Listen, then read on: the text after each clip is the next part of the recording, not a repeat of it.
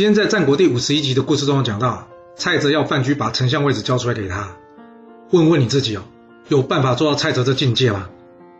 蔡泽其实是用龟谷子中以阴结阳、施以利的招式，也就是对上位的人说话，重点是在告诉他他会有什么缺失。然而这样就行了吗？当然不行了。